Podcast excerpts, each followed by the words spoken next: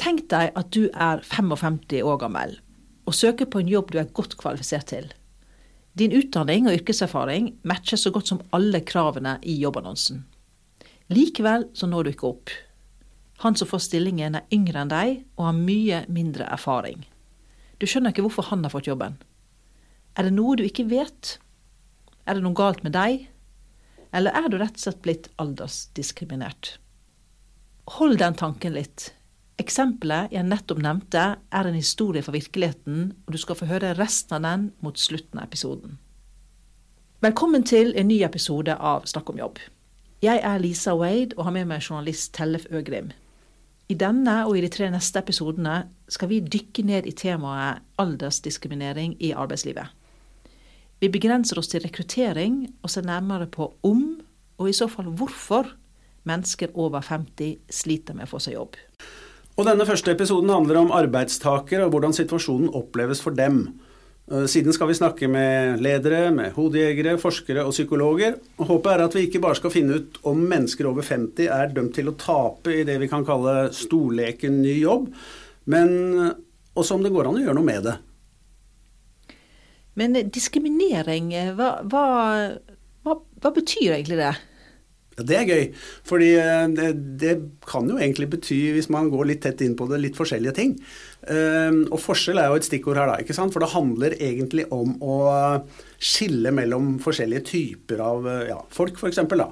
Uh, men heldigvis for oss, for at dette ikke skal bli en, en sånn filologisk språkpodkast, så, så, står det i den norske ordboka at det handler om at diskriminering er eh, at man behandler noen mindre gunstig enn andre. Noen mindre gunstig enn andre. Ja. Og det er jo den måten vi bruker eh, dette ordet på i hverdagen også. Ja.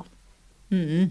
Så dette handler altså om når man begynner å få litt grått hår, så blir man behandlet mindre gunstig enn andre i arbeidslivet.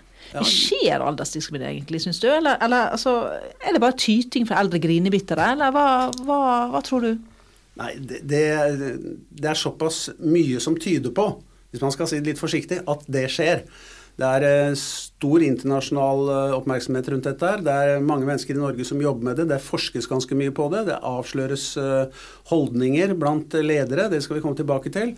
Det er dommer på det. Det er norske, solide norske samfunnsinstitusjoner har blitt dømt for å bedrive aldersdiskriminering og har innrømmet og lagt seg paddeflate. Disse dommene er i seg selv veldig interessante. Da.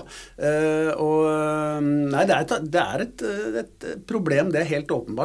Uh, hvis du ser på hva folk sier selv da, i, arbeidslivet, så, så uh, vi har, vi har, jo operert med 50 år. Og Senter for seniorpolitikk, som er jo en offentlig etat som jobber med dette her, de har det for 55 de kaller eldre for 55, da. Ja, vi var på en, eh, en stor forskningskonferanse som dette senteret arrangerte i høst.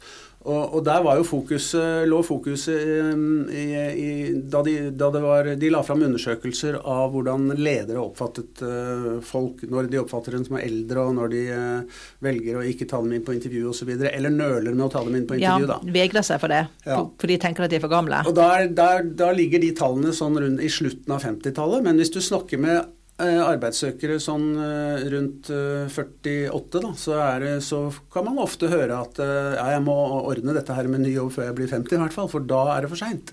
Og da, da, blir nok det min siste jobb, tenker de. Ja. Da blir nok det min siste jobb, og da er de 20 år igjen, egentlig faktisk, i arbeidslivet. Og noen vil si at det er en ubegrunnet redsel. Hva tror du? Jeg tror det er litt nyansert. Jeg tror det er litt nyansert, men jeg tror det er ganske mye i det, rett og slett. Jeg møter såpass mange som, som, eh, som, sliter med å få seg jobb. En av de er Erik. Skal vi høre litt på han? Absolutt. 53 år gamle Erik Wergeland hadde jobbet i over 20 år med IT og salg da han mistet jobben under pandemien. Han har nå søkt jobber i to år uten å lykkes. Jeg følte ikke at jeg nådde fram. Eh, jeg ble ikke hørt. Jeg fikk eh, sjelden noe konkret tilbakemelding på hvorfor jeg ikke kom på intervju. Jeg søker på en stilling hvor jeg ser at jeg er kvalifisert på alle punkter. Og svarene jeg fikk var egentlig litt sånn bortforklarende ulne. Nei, vi hadde så mange søkere. Det var så mange kvalifiserte søkere. Ja, men jeg er jo en av dem, så hvorfor ikke meg? Nei, det kunne jeg ikke svart på. Jeg begynte å tenke mer og mer på er det fordi jeg har passert 50. Er det fordi at det er eh, billigere eller enklere å forme eh, yngre mennesker i en stilling? Selv om jeg er kvalifisert, så kom jeg også da ikke på intervju. Og jeg var veldig frustrert, fordi jeg følte at jeg gang etter gang møtte den samme veggen. Det at jeg ikke kom noen vei. Altså, jeg, jeg, følte at jeg var kvalifisert. Jeg leste nei, annonsene veldig godt. Jeg analyserte opp og ned i mente. Fikk hjelp av Nav-rådgiveren til å virkelig fintune det. Eh, og kom jo da sånn sett på intervjuer, men eh, ikke alltid kommer videre. Og da tenkte jeg hva er gærent med meg? Hva er det som gjør at jeg ikke kommer videre? Erik prøver å være konstruktiv og positiv, men alle avslagene begynner å ta på. Det har vært en berg-og-dal-bane mentalt sett. Fordi jeg har vært uh, veldig gira innimellom. Tenkte nå har jeg vært på tredjegangsintervju, denne gangen går det. Og så får man beskjed om at nei, det var tre igjen, og du var bare en av de tre som ikke fikk den. Og den, uh, det er et slag i trynet, rett og slett. Og det har jo skjedd nå fem-seks ganger. Uh, og det Man føler at man ikke er verdt noe. Føler ikke at jeg, jeg har noe mer å bidra med. Frustrasjon bygger seg opp, og Erik tenker han må gjøre noe annet. Han skriver et langt innlegg på LinkedIn hvor han beskriver hvordan det er å være arbeidsledig. Jeg har etter det innlegget hatt veldig mange samtaler, både på et nivå som handler om å bli kjent, om hvem jeg er, om potensielle arbeidsgivere eller folk som kjenner noen som kjenner noen. Det har vært eh, direkte konkrete henvendelser rundt eh, konkrete stillinger. Vi har denne stillingen, kunne tenkt at han prater om den. Og det har vært oppfordring til å søke andre stillinger. Og jeg har fått også mye råd om har du prøvd, har du forsøkt, snakk med de, eh, osv. Og det har resultert i en prosess, eller ikke bare én prosess, men jeg har vel vært igjennom 13-14 prosesser. Dvs. Si søknader eh, og intervjuer. Og blitt da med helt til slutten på de aller fleste stillingene. Men dessverre er det blitt stang ut for Erik. Er grunnen at han i en alder av 53 er gått ut på dato? Det er fremdeles mange som sitter og tenker at han er for gammel. Jeg tror det er mange som sier at, uh, til sine rekrutteringsselskap når de skal ha nyansatte, at vi vil ha en mann eller kvinne mellom 35 og 40, eller mellom 20 og 30, eller den type lavere aldre enn det jeg har. Men jeg tror flere og flere har fått øynene opp for at dette kan du faktisk ikke gjøre. Det er faktisk diskriminerende, og det er ikke innafor. Og mangfold handler jo om alle disse faktorene, ikke bare alder. Men det handler også om å se verdien i å skape et litt mer sammensatt arbeidsmiljø, hvor man kan hjelpe hverandre. Og lære av hverandre. Og løfte hverandre opp. Og de som har lang erfaring, kan hjelpe de yngre. Og få de til å blomstre tidligere enn de ellers ville gjort. Så jeg tror det er flere og flere som ser det på den måten, selv om det er mange som henger igjen. Tross alt er Erik takknemlig for at han bor i en velferdsstat. Altså det som er viktig for meg, er min basis, det å ha en økonomisk eh, ikke trygghet, men i hvert fall ha noe penger. Så at vi har Nav som gir oss penger i landet her, kan vi jo være evig takknemlige for. Uten det hadde det vært veldig, veldig vanskelig. Da måtte man begynne å tenke på å selge hus og hjem og flytte et annet sted hvor det er billigere å bo. Så det grunnleggende er det å kunne ha muligheten til å kjøpe mat, rett og slett. Eh, utover det så handler det om å ha muligheten til å snakke med folk som vil deg godt. Det vil være venner og familie. Det kan også være nettverk, og som ønsker å hjelpe deg på en måte. Og det å bruke nettverket sitt tror jeg er veldig viktig. Og jeg har jo tenkt den tanken selv at jeg er jo ikke verdt noe. Jeg har jo ikke det som trengs. Her går alle andre rundt og, og tjener penger og har jobb, og så er jeg arbeidsledig. Det er nesten sånn man ikke har lyst til å snakke om. Innlegget på LinkedIn førte også til en rekke henvendelser fra mennesker i samme situasjon. Jeg har også hatt et møte fysisk med en som uh, var 48. Møtte han på Bekkestua, snakket med ham et par timer, uh, og han delte den frustrasjonen jeg hadde. Hvor vanskelig det var å komme videre få intervju, komme videre i prosessen. Og det er lett å tenke at er alderen. Eh, alderisme er en eh, utfordring. Jeg håper og tror at det blir bedre, og at folk får øynene opp. Og at det ikke nødvendigvis blir en ny hashtag metoo, men noe tilsvarende. At folk ser at det, sånn kan vi faktisk ikke holde på. Altså, Vi kan jo ikke ha det sånn, Tellef. Nei, det er jeg helt enig. Det er rett og slett en utrolig sløsing av eh, ressurser. At uh, folk skal gå der og ikke ha noe å gjøre når uh, det er rett og slett uh, Nå trengs det jo mange.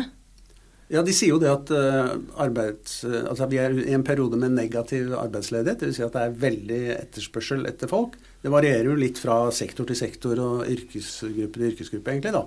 Men at, at, vi, at dette her er samfunnsmessig ikke bærekraftig, som det heter i våre dager, det, det er jeg helt enig med deg. Altså, befolkningen blir eldre og eldre. Og det er rett og slett sånn at vi må ha, stå lenger i jobb. Og hvis holdningene er sånn at vi ikke vil eh, ansette de som eh, blir eldre, så går jo ikke dette i hop. Det er ikke bare at vi vil stå lenger i jobb, vi vil jo jobbe. rett og slett. Erik vil jo jobbe. Da tror du han er aldersdiskriminert? Jeg føler i hvert fall at Erik eh, gjør veldig mye riktig. Han uh, har tatt uh, kurs, uh, passet på å oppdatere seg, og, og hans måte å, å, søke på, hans måte å, å, argumentere for seg selv på, er, er god. Og han er også åpen for at han er i en del av IT-bransjen hvor det er ikke er like vanskelig å få tak i folk som, som blant programmerere. Det er mye større behov eh, for programmerere vanskelig å få tak i enn hans sektor, som er mer retta mot salg. Ja, det, det, men det som jeg tenker på er at eh, dette, her er, dette er jo ingen unik historie. Altså Jeg syns jeg har hørt den før. Og hvis du går på LinkedIn, så ser du det massevis av folk som, som klager over dette her. Eh, de ønsker å skifte jobb. Eller de ønsker å få jobb hvis de er arbeidsledige. Men det er jo også veldig mange som ønsker å skifte jobb, men som ikke ja, som ikke kommer på intervju engang, da. Ja, men, men, uansett hvilke ideelle fordringer vi har, så kan vi aldri til å uh, verken eh, vedta eller, uh, eller gjennom informasjonskampanjer og holdningskampanjer til å oppnå at alle som ønsker å skifte jobb, finner en jobb å skifte til. Uansett. Så, så det er liksom uh, Men her står vi jo overfor diskriminering. Eh, selv om vi ikke kan dømme i hvert enkelt tilfelle, selvfølgelig, så, så er det så mye som, eh, som, tyder på at det spiller, i hvert fall spiller en rolle her da, i, eh, i, den, i, i, hvem som blir valgt og hvem som ikke blir valgt. Dette her er jo sånne historier som, som danner bro, grobunn, danner nettopp for den holdningen at dette må jeg ordne. Jeg vil bytte jobb. Dette må jeg ordne før 50, for da er jeg for gammel, liksom. Ikke sant? Og det er hvis vi skal stå til 70 så betyr det altså at hvis du tenker at du må, din, du må skifte jobb før du blir 50, eller ja, da, øh, så, så for det blir din siste jobb, så betyr det at din siste jobb, den skal du ha i 20 år. Det er ganske lenge, altså. Det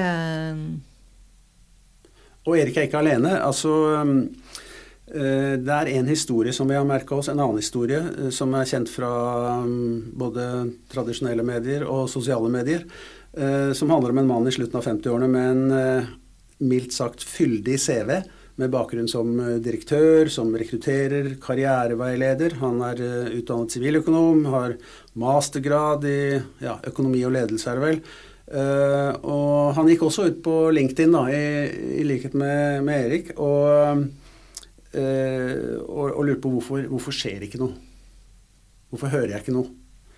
Eh, han sier at eh, jeg søker på stillinger der det omtrent står eh, navnet mitt. Og jeg, jeg, oppfylt, jeg, opp, jeg, mener at jeg oppfyller alle krav til stillingen og blir ikke kalt inn til intervju. Da er det nedslående, skriver han, å finne samme stilling utlyst to uker etterpå. Det kan ikke være noe annet enn alderen som gjør det. Mm. Ja, nedslående er nok antagelig et litt sånn mildt uttrykk her. Det må jo gjøre utrolig mye med selvtilliten. Altså her man jobbet i alle år, gått fra stilling til stilling til stilling, og så plutselig som en sånn, skjer det et eller annet sånn magisk eh, Magisk er vel definitivt feil ord her, men altså det skjer et eller annet da når man når en viss alder, at man plutselig er ferdig.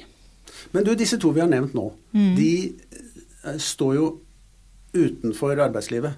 De søker fra, fra utsiden, da. Ja. De, de um, får penger av Nav. Og, og Erik jo, sa jo selv i samtale med oss som ikke kommer her, at det, det er ikke noen fordel. Men, men du har har hatt kontakt med mange eh, i, din, i, ditt eh, yrke som eh, konsulent eh, som sitter i jobb og er seniorer og søker. Eh, ja, jeg møter mange mennesker som eh, kanskje rundt 50, som har lyst å finne på noe annet. Eh, de tenker de har mange gode år igjen i arbeidslivet. Mye energi. Barna store, litt sånne ting. Så de er klar for liksom nye utfordringer. Og én ting er at en del av de sliter, ikke alle, men en del sliter med å komme på intervju. En del sliter ikke, får det til også. Men det som er interessant, er at alle tenker at dette er nok min siste jobb. Man lurer på om, eh, om eh, er dette mest noe oppi deres eget hode, og at det er så mye engstelse rundt dette her å ikke få seg jobb, at eh, det blir eh, At det blir eh, sant. Vi er ikke noe flinke til å få nei. De er ikke noe flinke til å få nei. Vi er ikke noe flinke til å få nei. Nei, det er- tenker jeg vi, no- vi nordmenn. Vi er Nei, ikke noe nei. flinke til å få nei. Nei. Og det der med å gå konkurs og det der med å få sparken og sånn, alle de tingene er jo liksom uh, veldig sånn skambelagt. Det sies i hvert fall at eh, andre land vi kan sammenligne oss med, så er det litt mer hverdagslig og, og ikke så farlig. Og det der å gå ut i arbeidsmarkedet, det, det er jo definitivt å stille seg åpen for hugg, da. Ja, for det er jo, det er jo eh, litt lignende som å kjøpe hus, ikke sant?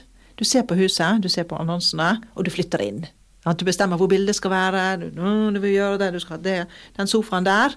Og det er det samme hvis du finner en jobb. Du tenker ok, ja, liksom det, da vil jeg gjøre sånn. Det selskapet, det, kanskje litt ny garderobe, den sjefen der. Altså, du, du lever deg sånn inn i det, Mm. og så får du nei. Og nei, og nei igjen. Forskjellen er at dette med jobb går litt mer på personligheten da, enn dette med å få ikke Ja, få det er riktig. Det er riktig, det gjør det. det gjør det. Men det er faktisk, det, begge deler krever ganske mye energi. Eh, Og, og da, går- blir, da, da, da er det ikke da veldig destruktivt at det sprer seg en sånn, og kanskje bidrar vi det også til, til det med å sitte her og prate om det, at, eh, at det, jeg, jeg må ordne det før 50, for da er jeg for gammel, og så passerer du speilet og ser jeg er allerede i ferd med å bli for gammel, se på det rynkete ansiktet, og er det ikke noe grå hår her, og, eh, og så kan man komme i fare for å utstråle litt sånn eh, negativitet, da.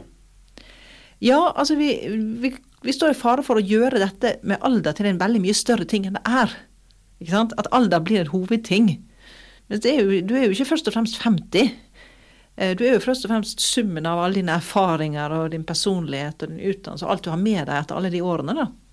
Og så plutselig er man redusert til 50. Det er det man kan spørre om. Hvorfor skal, hvorfor skal det stå alder i CV-en din? Hvorfor står det alder alle steder i aviser og alle sånne? Så står det sånn parentes. Ja, men er ikke det en ærlig ting, da? Man er jo, det, man Jo, er jo akkurat så Hvorfor skal man trekke fram alder? Hvorfor kan ikke du likevel si introvert, med skjegg, Men, men altså det, Altså, det er mange ting du kan si om en person, da. Men det er ikke noen løsning å la være å si hvor gamle, gamle, gamle folk er. Den løsningen må jo ligge i å jobbe med fordommene. Ja, jo, jo men jeg dette. syns også at vi, vi, vi har ikke vektlegge det så mye som vi gjør, da. Det, det, og vi må jo tenke på ulike tiltak her, for det er åpenbart noe som ikke fungerer, siden så mange Nå har ikke vi tall på det, for det er ikke mulig å finne tall på hvor mange som søker jobber og ikke kommer på intervju. Ikke sant? Men vårt inntrykk er at dette her er et temmelig stort problem. Og Senter for seniorpolitikk unders- underskriver egentlig det. Ja, de har jo gjennomført, eh, eh, og jeg oppfordrer alle til å ta en kikk på det, eh, et årlig barometer. Med litt forskjellig innretning fra år til neste. Og, det er mye interessant der, bl.a. Eh, som vi har vært inne på dette med eh, når eh, ledere begynner å anse folk for eldre, og når de nøler med å kalle dem inn på intervju osv. Jeg tror de lyver i den forskningen. De tror de lyver, for I forskningen så sier de at eh, Altså Senter for seniorpolitikk? Nei, nei, ikke? Senter for seniorpolitikk, men de, som, de lederne som er intervjuet. da. For da sier de at eh, da er det ledere i det private sier at de begynner å nøle med 57 år, og i det offentlige 62. Og jeg satt på den konferansen da dette ble lagt fram, og jeg så meg rundt, og alle bare ristet på hodet. Dette skjer lenge før det, altså. Det skjer eh, Hodejegere jeg har snakket med, mener det skjer allerede i slutten av 40-årene. Men det betyr også, når du sier lyver, og bruk gjerne det ordet, så, så sier du jo også øh, ikke at de ikke at de bekjenner seg til én oppfatning, men har noen fordommer eh, inni seg, en eller annen klump, som, som gjør at de handler annerledes. Eller, lager, eh, eller velger annerledes og finner en argumentasjon. Men det du sier, er at det foregår aktivt. Og at man faktisk sier at 'jeg vil ha skaff en sånn til meg', ikke over 40'. Ja, altså kanskje lyve var kanskje et litt, eh, litt tøft ord, da. Men Nei, altså, jeg, sa tror, det jo, jeg sa det, jeg er enig i det. Men altså, jeg, jeg, jeg tror dette her er- stiller i samme kategori som når du spør eh, lesere. Altså når Aftenposten eller avisene spør leserne hva de vil ha mer av i avisen, så sier jo folk ofte sånn at de vil ha mer utenrikspolitiske analyser. Krysser av på det. Det er jo bare tull. Det er jo ikke det de vil ha mer av. Altså, det er jo ikke det de leser mest av. Sånn at det er noe her med det man kanskje ønsker at eh, man skulle Jeg skulle gjerne vært en sånn person som leste alle disse analysene.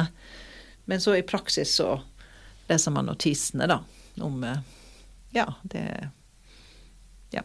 Men er ar norske arbeidssøkere når, når, man, når man har jobbet seg eh, inn i et fagfelt, da En jobb, eh, en stillingstype, og så vil man Så, så syns man kanskje det er noe sånn psykososialt på den arbeidsplassen, eller den er litt for langt unna, eller du har noe du kan sykle til, eller et eller annet. Så uh, sier du at nå, nå må jeg bytte, og det må skje nå før jeg blir Ja, la oss si 55, da, for å være litt uh, Eh, litt, eh, litt forsiktigere, ikke, ikke hevde at den 50 er den magiske grensa. Vi sier 55. Uh, eh, hvor, eh, hvor langt unna sin, den eksisterende, ditt eksisterende fag eller din, din eksisterende jobb, eh, det du har lært, syns du man skal gå? Ja, så det du spør nå om jeg skal søke jobb eh, på, på liksom eh, eh, Espresso House på hjørnet, liksom? Er det det du mener? Nei, Selv om jeg har fire års universitetsutdannelse? Er det svaret ditt? Nei. du har jo snakket med en, en medbergenser av deg som eh, hadde en eh, lang yrkeskarriere bak seg da hun eh, til slutt bestemte seg for å bytte jobb. Ja, og dette her er en litt uvanlig historie. For Toril Tysnes Lund hun er opprinnelig utdannet innen bankakademiet. Det var jo det man gjorde før. Ja. Og så gikk hun over til forsikring. Men, og så hadde hun lederjobber. Hun hadde lederjobber helt siden hun var 30. Men så hun ble 60 år, så hun begynte hun å bli ganske lei av å være leder. Og lurte på rett og slett hva gjør jeg nå? Så da tenkte jeg OK, nå må du eh, virkelig sette deg ned og eh, reflektere, Tore. Hva gjør du nå? Da var jo jeg blitt eh, eh, 60 år. Og tenkte at eh, ja, eh, syv til ti år igjen i min yrkesaktive karriere. Eh, hva i alle dager gjør jeg? Og, og kjente på litt sånn eh, ja, sorg. eh, Kjente på eh, litt eh, motløshet. Det var ikke rart at Toril var motløs. For hvem ville ha en 60-åring? Og hva skulle hun egentlig finne på? Toril hadde tatt utdannelse på Bankakademiet og fikk sin første lederstilling allerede som 30-åring. Da bankkrisen kom, hoppet hun over til forsikring, hvor hun etter hvert ble salgsdirektør for hele Norge. Nå arbeidet hun som administrativ leder i et oppstartsselskap, men kjente seg mer og mer ferdig med ledelse. Så jeg kjente at her kan ikke jeg være. Eh, for- For det, det vil være eh, Altså, her må jeg slutte. Og så er det da jeg ser annonsen i, eh, i, eh, i Bergenstidene.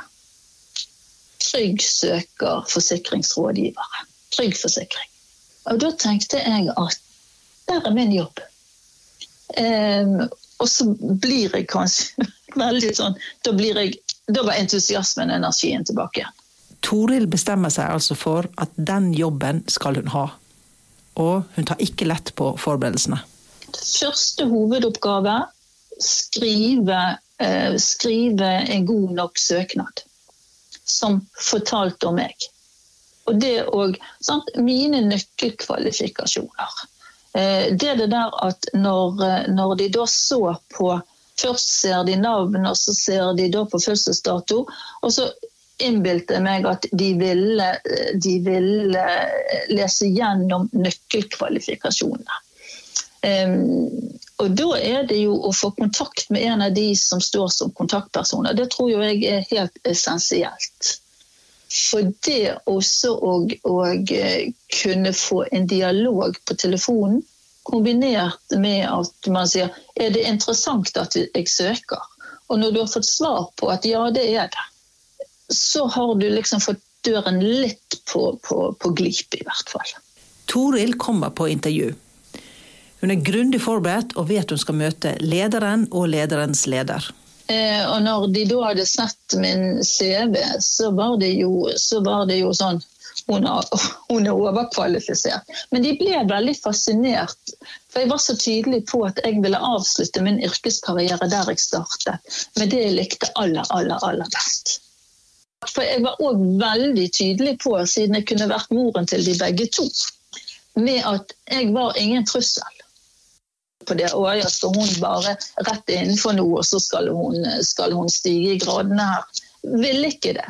Og, og, fortalte da om, om uh, hvordan jeg opplevde det å ha personalansvar. Uh, det å ha resultater gjennom andre. Det å synes at det er også veldig hyggelig. Men at min tid nå var at jeg bare ville være med kunder, og så ville jeg være en god kollega med å eh, kunne jeg da være ressursperson. Både for uh, han som var ny leder, men å være ydmyk og ikke trampe over. Um, og, å hjelpe han til suksess. Det mener jo jeg, jeg er en medarbeider sitt ansvar. Det er jo å sørge for at sjefen får suksess. Det er et av ansvarene. Så, så, så jeg var, var målrettet, jeg var ærlig, jeg var tydelig. Eh, med et glimt i øyet, men også ydmyk. Eh, det er jo den balansegangen der. Sant? Ikke, altså det jo, hadde jo ingen, ingen arroganse i seg. Dagen etter intervjuet får Toril en telefon. Det er henne, den 60 år gamle administrasjonssjefen, de vil ha som forsikringsselger. Nå har det gått noen år, og Toril trives svært godt. Hun syns ikke det er noe problem at de fleste av kollegene er i 30-årene det, er jo så inspirerende. Sånn gjensidig inspirasjon. Eh, så, så, og mye latter og, og, og mye humor og eh, ja. Eh, kan virkelig anbefales. Med, men det tror jeg jo på. Sant? Det der, som man er med sine barn og sine barnebarn, så er det også inspirerende. Inspirerende å være med yngre personer. Toril råder alle til å tenke etter hva de egentlig vil i Tores tilfelle handlet det om å innse at hun egentlig ikke ville være leder lenger. Skal jeg gå rundt med direktørtittel og eh, mistrives, eh, og ikke være gøy på privaten heller? Eller skal jeg eh, gjøre det jeg virkelig har lyst til? Er det dette jeg vil, eller hva er det jeg vil? Og hvilke selskaper ønsker jeg å være ansatt i? Har jeg noe nettverk? Kjenner jeg noen? Er det noen som kan fremsnakke meg sånn at jeg får kommet meg til det intervjuet. At det er noen som hvisker noen andre i øret. Du må få han eller henne inn på intervju. Ta i hvert fall en prat. Og så er det jo opp til en selv. Men, men det er det der å, å, være sterk i seg selv, ha troen på seg selv, ikke gå i kjelleren. Jeg trodde det var sånn at hvis man var blitt eh, 60 og søkte en jobb, ikke minst i en sånn, eh, kompetitivt eh, tempoyrke som, som selgeryrke, så hadde man null sjanse til å komme på intervju. Og jeg sitter her og lurer på, når jeg hører på denne inspirerende damen fra vest, hvorfor kom Toril på intervju, tror du? Altså Det er en bergenser, dette her, ikke sant? okay. Veldig offensiv dame, og veldig gøy. Veldig morsom historie, syns jeg. At hun eh, så tydelig på at hun ville ha denne jobben, og fikk den. Og at det går så bra. Hun har jo vært der noen år nå. Mm. Er det noen som har jobbet i kulissene for henne? Ja, Det kan hende, men det, det Bergen er en liten by? Hun fikk jo tilbudet dagen etter, da, så det gikk jo ganske fort. Så det ser ut som hun klarte det på, på egen hånd. Så jeg syns ikke vi skal liksom devaluere den eh, innsatsen der. Um, men det som jeg syns er også morsomt her, er jo at de tok henne inn på intervju. For mange ville jo eh, Vi har jo hørt, hør, vi har hørt om folk som liksom ikke kommer på intervju i det hele tatt pga. alder. Eller det eh, Så det, jeg lurte på hvorfor kom, kom hun på Jeg tenker at han lederen her må ha vært litt eh, Hatt et åpent sinn. Hvor mye eldre enn en enn han var hun? Hun sa jo at han kunne vært, hun kunne vært moren hans. Og du vet, de fleste vil ikke ha moren sin på, på kontoret. Ikke sant? De vil ikke det. Særlig, hvis, eh, særlig ikke hvis moren har, eh, har vært direktør. Og Ja. du tenker, da tenker du at eh, hva, er, hva slags plan er det hun har egentlig? Hun kommer inn her, og om to år så skal hun liksom vippe Ja. meg av pinnen. Da. Ja, akkurat det. ikke sant? Og det, det, Der var jo Tore veldig tydelig tydeligvis i intervjuet at hun ville ikke, være, ville ikke ha hans jobb. Men jeg tenker likevel at det krever litt mot fra lederens side faktisk å ansette noen som, som, eh, som har gjort det mye bedre enn deg karrieremessig, og kanskje kan veldig mye mer. Eh, og så likevel si nå skal du være min underordnede. Det er bra. Kreds til den lederen. Persen spiller en rolle her også. Det syns jeg man hører at hun virkelig har eh, beskrevet uh, sitt forhold til denne salgs, uh, salgsfunksjonen som noe sånn som virkelig ligger hennes hjerte nært. Ja. ja. Og det å finne forsikring til hver enkelt kunde, altså det, er sånn, det er en veldig sånn passion som hun åpenbart har lagt for dagen her. Ja, og det er jo imponerende at hun har det, etter hun har jobbet med det i så mange år eh, på et overordnet nivå. da. Eh, og, men jeg syns det er veldig gøy at hun eh, Hvordan gjøre intervjuet til, en vek, til et vekkelsesmøte? Det er det vi snakker om her. Oss som elsker forsikring. Ja. Men jeg syns også det er veldig gøy at, eh, at hun tenker annerledes rundt karriere. For dette, det er jo et veldig sånn eh, Det klassiske syn på karriere er jo at vi, vi begynner liksom i bånn, og så beveger vi oss oppover. Karrierestigen snakkes det jo om, da. At man hele tiden skal få økt ansvar, høyere lønn og sånn. Og så kommer man på et visst nivå, og så er det noen som da tar et skritt til siden, og de blir da spesialrådgivere. Alltid lenger opp og fram. Opp, opp, opp. Fram, fram, fram. Ja. Og hvorfor skal det være sånn? De spesialrådgiverne de ender jo da opp med samme lønn som de har hatt. Det tror jeg, sånn, tror jeg det Er ikke menneskene sånne? Har vi ikke alltid vært sånn? Ja, men eh, Det er ikke sånn vi har stavret oss fram gjennom historien da, ved å gjøre nye ting, eh, bli rikere, få mer anseelse. Vi er klokere nå. Vi må prøve å lære av tidligere feil. For det er en feil at det skal sitte masse sånne gubber der på toppen, ikke sant? Og aldri tre av. Eh, så, så, og samtidig er det litt dumt hvis de på en måte blir her borte, da. For man, det, å, det å ta nytte av, eh, av den erfaringen. Men da må jo arbeidssøkerne selv, som i Tores tilfelle her, da, faktisk tenke OK, er det noe annet jeg kan gjøre? Som passer for den fasen av livet hvor jeg er i nå. Eh, jeg har veldig respekt for det at, at eh, ønsket om å gjøre en jobb, og ikke nødvendigvis en statusjobb.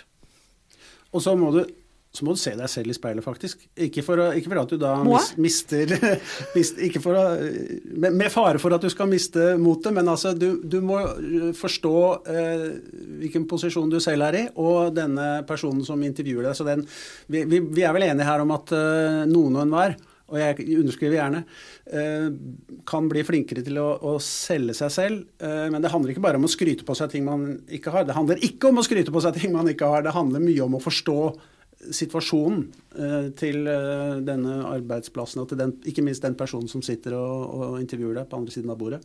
Ja, for det er klart det at, at uh, hvis man forventer, man forventer en 30-35 år, en ganske sånn ung, ferskt Ja, ja, ikke så fersk når du er 35, da, men iallfall en, en uh, litt sånn fersking og sånn, og så får du en på intervjuet da, som er så erfaren og har, uh, har den stillingen. Det, det skjønner jeg at den lederen kan bli litt sånn overveldet. så man må forstå da hvilken virkning man har på den andre personen. Og så kanskje være enda tydeligere enn man ellers ville vært da, på man, hvorfor man vil ha denne jobben, og hva man ikke vil. Altså true den andre, da. Vi startet uh, denne episoden med en historie om en 55-åring som fant en annonse, en jobbeannonse, som uh, hun mente så ut som den nærmest var skrevet for henne. Hadde alle kvalifikasjonene og søkte jobben. Og masse, fikk, masse erfaring. Fikk hun den? Hun fikk den ikke. Den ble tildelt en mye yngre, yngre mann med mindre erfaring. Og hun klaget inn saken til Diskrimineringsnemnda, som ble opprettet for tre år siden nå, i 2018. Og ja, Hun klaget rett og slett saken inn. Det er jo litt tøft, da. Klaget inn, den ble tatt opp, og den ble gransket. Og det kom en fellelse mot hold deg fast, arbeidsgiveren da, som hadde utlyst denne jobben, Arbeidstilsynet. Selveste Arbeidstilsynet? Det kongelige norske arbeidstilsyn. Og de ble felt for aldersdiskriminering og eh, måtte sende henne 45 000 kroner for eh, ja, heter det tort og svie? Jeg vet ikke. I hvert fall det var omtrent det det var. Ja, men dette er jo Altså når ikke engang Arbeidstilsynet klarer å på en måte ja, ansette rett kandidat. Vi kan i hvert fall slå fast at problemet fins. Vi kan slå fram at problemet finnes. Og vi må finne ut mer hvorfor det finnes, og hva, hva ledere tenker. For det å ansette noen er faktisk en ganske stor risiko. Og det koster mye penger å ta en feilansettelse. Så vi må, og faktisk må vel ledere få lov å bestemme litt selv hvem de skal ansette. Dette og mye mer kommer vi inn på i neste episode.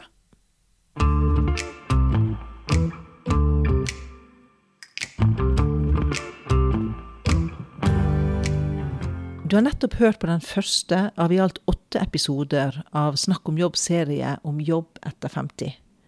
I de neste episodene får vi høre hva arbeidsgivere, hodejegere, psykologer, politikere og forskere mener om seniorenes dalende status i arbeidslivet.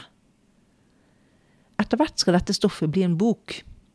Hvis du er enig eller uenig i noe av det du hører, eller har en historie du gjerne vil fortelle meg, så er du velkommen til å ta kontakt på LinkedIn eller via hjemmesiden min lisawade.no.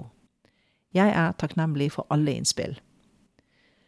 Norge trenger nemlig all den arbeidskraften vi kan hoste opp, og din verdi som arbeidssøker bør handle om noe mye mer enn din alder.